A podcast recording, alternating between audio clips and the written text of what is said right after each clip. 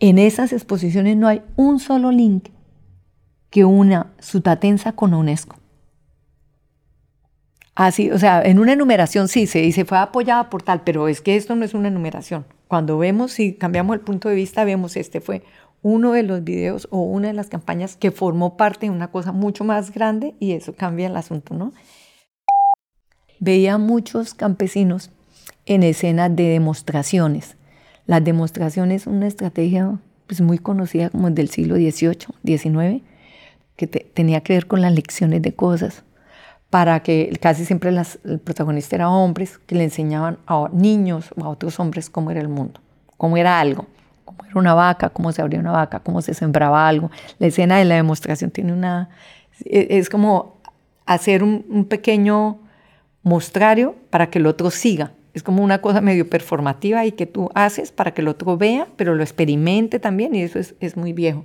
Entonces había muchos campesinos eh, que ya no estaban ordeñando de modo tradicional, sino estaban ordeñando según las ideas de higiene pues de lo moderno, ¿no?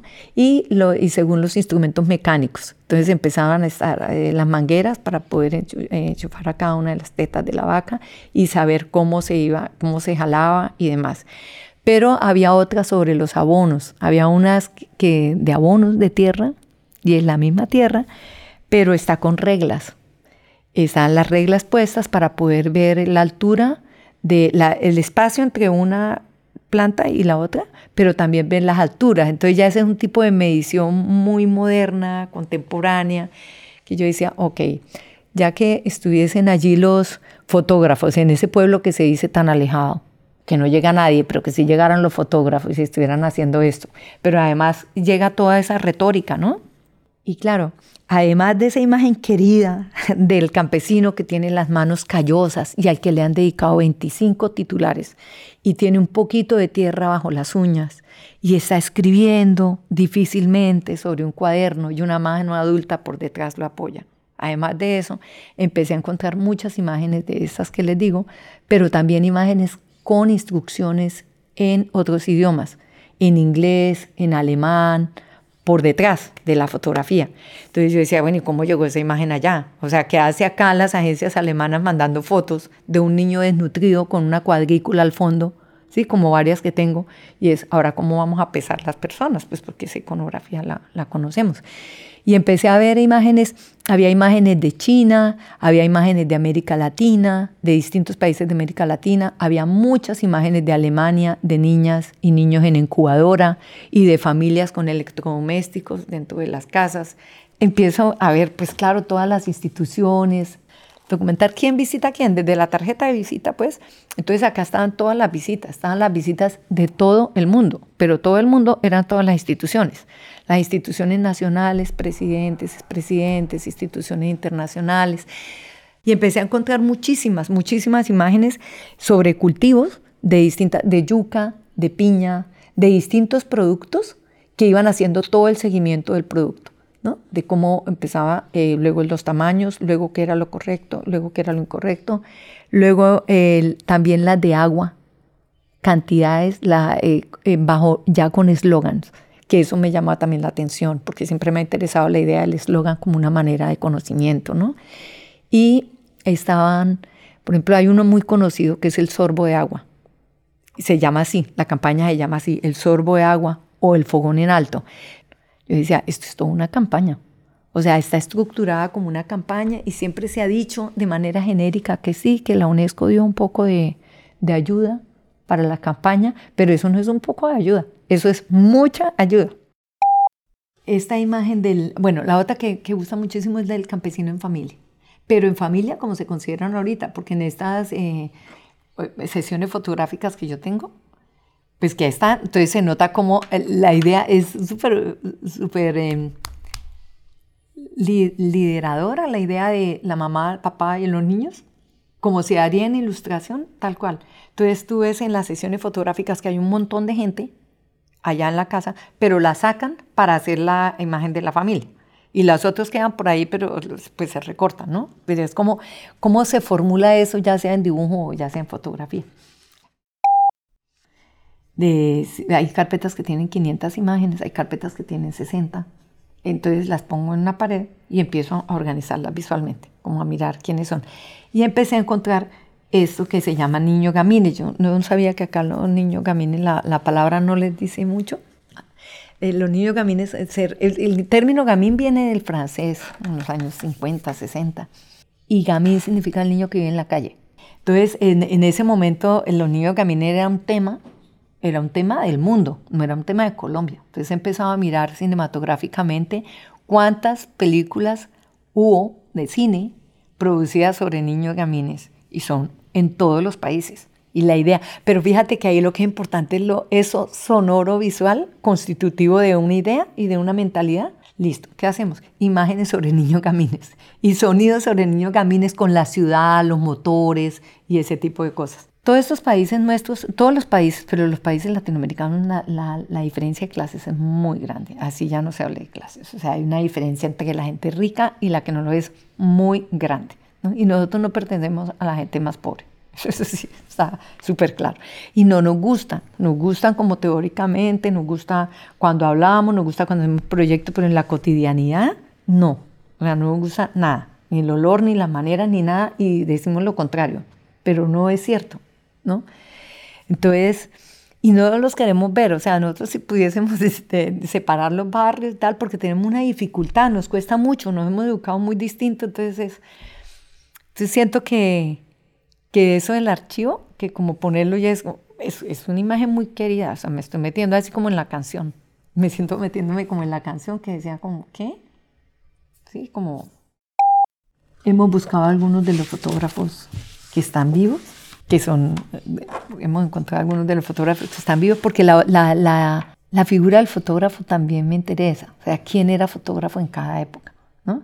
Y en ese momento, estos eran los asistentes de los fotógrafos, pero había muchos fotógrafos que eran, eran empíricos, obviamente, y eran sobre todo personas que viajaban. Entonces había dos tipos de fotógrafos, arquitectos o personas que estudiaban antropología que además fueron los primeros que escribieron para los institutos antropológicos, como en el ICANN. Entonces aprovechaba que viajaban para ir haciendo las imágenes. O sea, es una imagen mediada por la, por la vista de, de ellos. Y esto es trabajando con los archivos de los propios fotógrafos. La otra imagen que es muy, muy común es la imagen de, esa, de una persona adulta, una mano adulta, con una persona que por detrás, por la espalda, le coge la mano ahí hay unas cosas que son muy graves, ¿no? Porque es como el, grado de, de falta de, todo, de subjetividad, de autonomía, de ser alguien, el hecho de no saber leer. Y entonces tú te deposita la, la mano, ese depositarle mano en la imagen del otro que te guía, es como entregarle toda tu vida. ¿Sí? Ahí. No sé leer, no soy nadie. Enséñame tú. Esto, esto me interesa mucho el lugar de la información, porque creo que la visión que nosotros discursivamente hemos construido de lo que son el alcance de los medios es una visión a veces muy académica eficaz. Sí, como análisis de contenido, análisis cualitativo, pero realmente entender cómo se instalan los medios en las vidas nuestras, como cómo se instala la religión o los objetos, es una cosa que estamos muy lejos, ¿no? Entonces me interesa mucho ver estudiar los medios, por ejemplo, no, lo que llaman medios, no, no solo por pues yendo a la biblioteca donde están esos, sino por las propias colecciones, lo que la gente colecciona y los archivos personales propios, ¿no? O sea, qué es lo que tiene, qué es lo que la gente sí decide guardar o descartar. Entonces dije yo, bueno, este archivo es mucho más de lo que estamos dispuestas y dispuestos a ver, ¿no? O sea, hay otras imágenes que se han mostrado, nada, nada, no han sido objeto de una sola imagen en las publicidades que se han hecho de las exposiciones y demás, de documentar todo eso en intersticios, documentar lo fracasado, lo escénico, lo escénico, la puesta en escena, lo mediático, lo mediático, lo cultural, ¿no? Si eso lo hicieras, una exposición sería, yo creo que un espacio ideal para mostrar eso por los formatos, pero no es lo que tenemos. Lo que tenemos son exposiciones eh, hasta donde he estado y, y pues todo este Toda esta indicación, todo esto que yo digo, porque yo trabajo en diseño, ¿no? y yo trabajo en una escuela de diseño. Y lo digo, es más, en, para hablar de esto y para discutirlo y para conversarlo y para animar, para que lo hagamos de otra manera, para que ampliemos la manera de hacerlo. O sea, necesito explicarme por qué tanta atención, tantas tesis doctorales. Yo, yo he estado revisando estos años, porque además me llegan todas, ¿no? O sea, me dice, ay, usted que trabaja con su tatensa, entonces que si lee yo, ay, no, por favor, no quiero, no quiero, ¿no? Entonces llegan muchas tesis de maestría, de pregrado, doctorales, libros, exposiciones. Digo, ya, ya llama la atención que con tanta cosa que habría para interrogarse, patrimonializar, si es que le interesa y tal, eh, estemos tan centrados todos en una, ¿no? Hay, una, hay un amigo diseñador colombiano que me dijo hace como cuatro o cinco años, una cosa que sabe que yo discuto en las clases, y que nosotros no viviríamos sin los bicentenarios. O sea, nosotros, los, estudios de diseño viven de los bicentenarios, de lo que sea. Sí, de lo que sea, que sea centenario o bicentenario, pero de lo que sea. Pero sin eso. Entonces ahí es donde se vuelve ese hermanaje entre patrimonialización y exposición y exhibición, que son los dispositivos hoy de, tan distinto a lo que se dice cuando están estudiando museología y museologías alternativas y todo ese tipo de cosas. Porque es absolutamente distinto, porque lo que está haciendo es a ti no te importa nada de guion expositivo. Ahora, ojo porque, eh, digamos, hay exposiciones acá mismo en Barcelona hay, exposiciones que en algún momento han marcado fracturas de cosas, porque de verdad son exposiciones, ¿sí?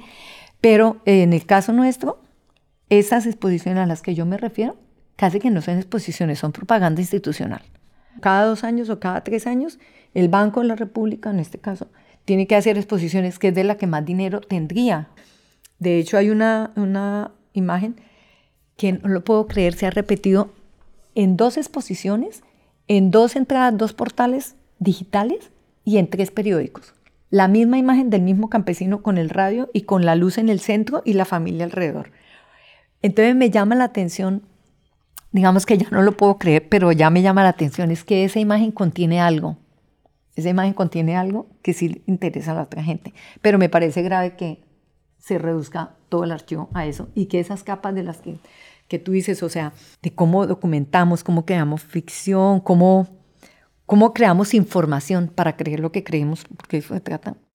Siento que una cosa que ha sido interesante es la gente extranjera que ha llegado a Colombia a estudiar el archivo, porque al principio tengo la sensación de que quedan un poco, no saben qué, pero saben que están tocando algo delicado, ¿sí? Porque a la gente le genera todos estos relatos, ¿no? Entonces se van con cuidado y las primeras personas creo que iban con muchísimo cuidado, pero creo que cada vez más entienden que nos están viendo ahí. Y eh, ya he leído, he visto como, leído y visto o charlado con algunas, como tres o cuatro aproximaciones que están poniendo, que están enriqueciendo esto, que están poniendo con otros sentidos esto de, por ejemplo, el sentido profundamente religioso del país profundamente religioso, porque es que ese campesino no es un campesino solo, es un campesino religioso. ¿sí? Es un campesino, es un campesino que, como digo yo, un campesino bueno. Vincular eso académico con la vida cotidiana me importa mucho. Este es otro chiquitito. Este es, este es el catálogo en exposición. y es, esto fue una amiga, esto es una amiga que es artista, Pilar López espérate que es al revés, Pilar López. Y ella encontró unos dibujitos de un señor. Está hablando de los medios, de los media, que me interesa mucho estudiar eso. Y me dijo, ahí encontramos unos cuadernitos muy lindos de un señor mm, que dibujaba muy bonito, porque mi amiga es artista plástica. Entonces ella me mostró esto y ella me empezó a mostrar y le dije, yo creo que ese señor no está dibujando, sino que está copiando. Es muy bonito, como ah, volviendo de que no se puede prometer nada. Entonces me dijo, ya, ¿cómo que está copiando? Le digo, yo estoy casi segura que ese niño está copiando revistas de la época. Entonces me dice, no, pero no. Entonces yo creo que sí, porque me gusta mucho lo de la fuente de la, la fuente de la imaginación, ¿no? O sea, ¿de dónde es que imaginamos? La fuente de la imaginación y la fuente impresa, en este caso la imaginación, porque la de hoy día, por ejemplo, me interesa mucho las series. Sí, las series de lo que sea, de Amazon, de Netflix, sí, toda esa discusión en torno a las series o, o el amor y las series, o pasar el tiempo viendo series, o el fin de semana y la serialidad, ese tipo de cosas. Y en esta, ella me dijo, listo, te doy ocho días para que vayas a, la biblioteca y me traigas algo. Y sí, entonces fue muy bonito porque el niño hacía los, hacía, lo hizo durante seis años. Seis años. O sea, imagínate lo que es ver lo que es un medio. O sea, al niño durante seis años le llegaban las revistas, eh, los periódicos deportivos y tal, y el niño hacía uno, un bisemanario manuscrito, y lo pasaba con todos sus amigos y guardó todos los bisemanarios, pero el niño de actualidad, la pauta publicitaria, todas las cosas. Es impresionante. Entonces hicimos una exposición. Él aquí contó la historia del, de los cuadernitos de Sport. Juan Pablo Lombana, que es el bisnieto. Eh, mi amiga hizo, ella es escultora, entonces hizo unas esculturas, era una sala grande donde expusimos esto. Pero ella hizo esculturas con los uniformes y con las cosas que, que está ahí. Esa exposición fue muy bonita, pero a donde voy es como a ese lugar de los medios, de las imágenes, de los sonidos, eh, de, las canciones, o sea, ¿dónde están esos sonoros, esos sonoros, esas frases dichas? Y esta que fue que hicimos nosotros, que fue sobre la pauta, sobre la pauta de la revista. O sea, porque como la idea era mostrar que se había hecho según otras revistas, ¿sí? acá hacemos un textico pequeño y esto pues nada, se pueden regalar y son fáciles de llevar y son fáciles de transportar y, tal. Este fue un trabajo que saqué, este es sobre el dolor de las mujeres, que se llama. Y este trabajo lo saqué. Tiene tres partes. y es como una parte académica, donde hago un ensayo súper académico. Hay otra parte que es una separata donde, digamos, hago un análisis de esas imágenes según lo académico y esa parte que para mí es el libro y que yo lo hubiera podido hacer sin el resto, pero que igual quería hacer el resto por si le servían los talleres. Sí, pero yo...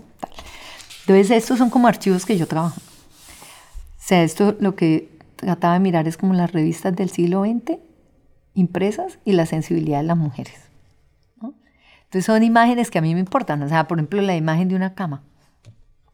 O sea, de un cuarto. O sea, ¿qué tipo de cuarto es este? y que estaban en las revistas. Entonces compro muchas revistas y separo unas imágenes. Esa idea de las mujeres y el orden, pues de las mujeres más grandes, ¿no? De las mujeres del orden, mantener las cosas, limpiar el polvo, fijarse en los detalles, toda esa cosa que había. Entonces, pero estos son como mis archivos y si ves aquí hay como, aquí pues no hay nada, está recortado.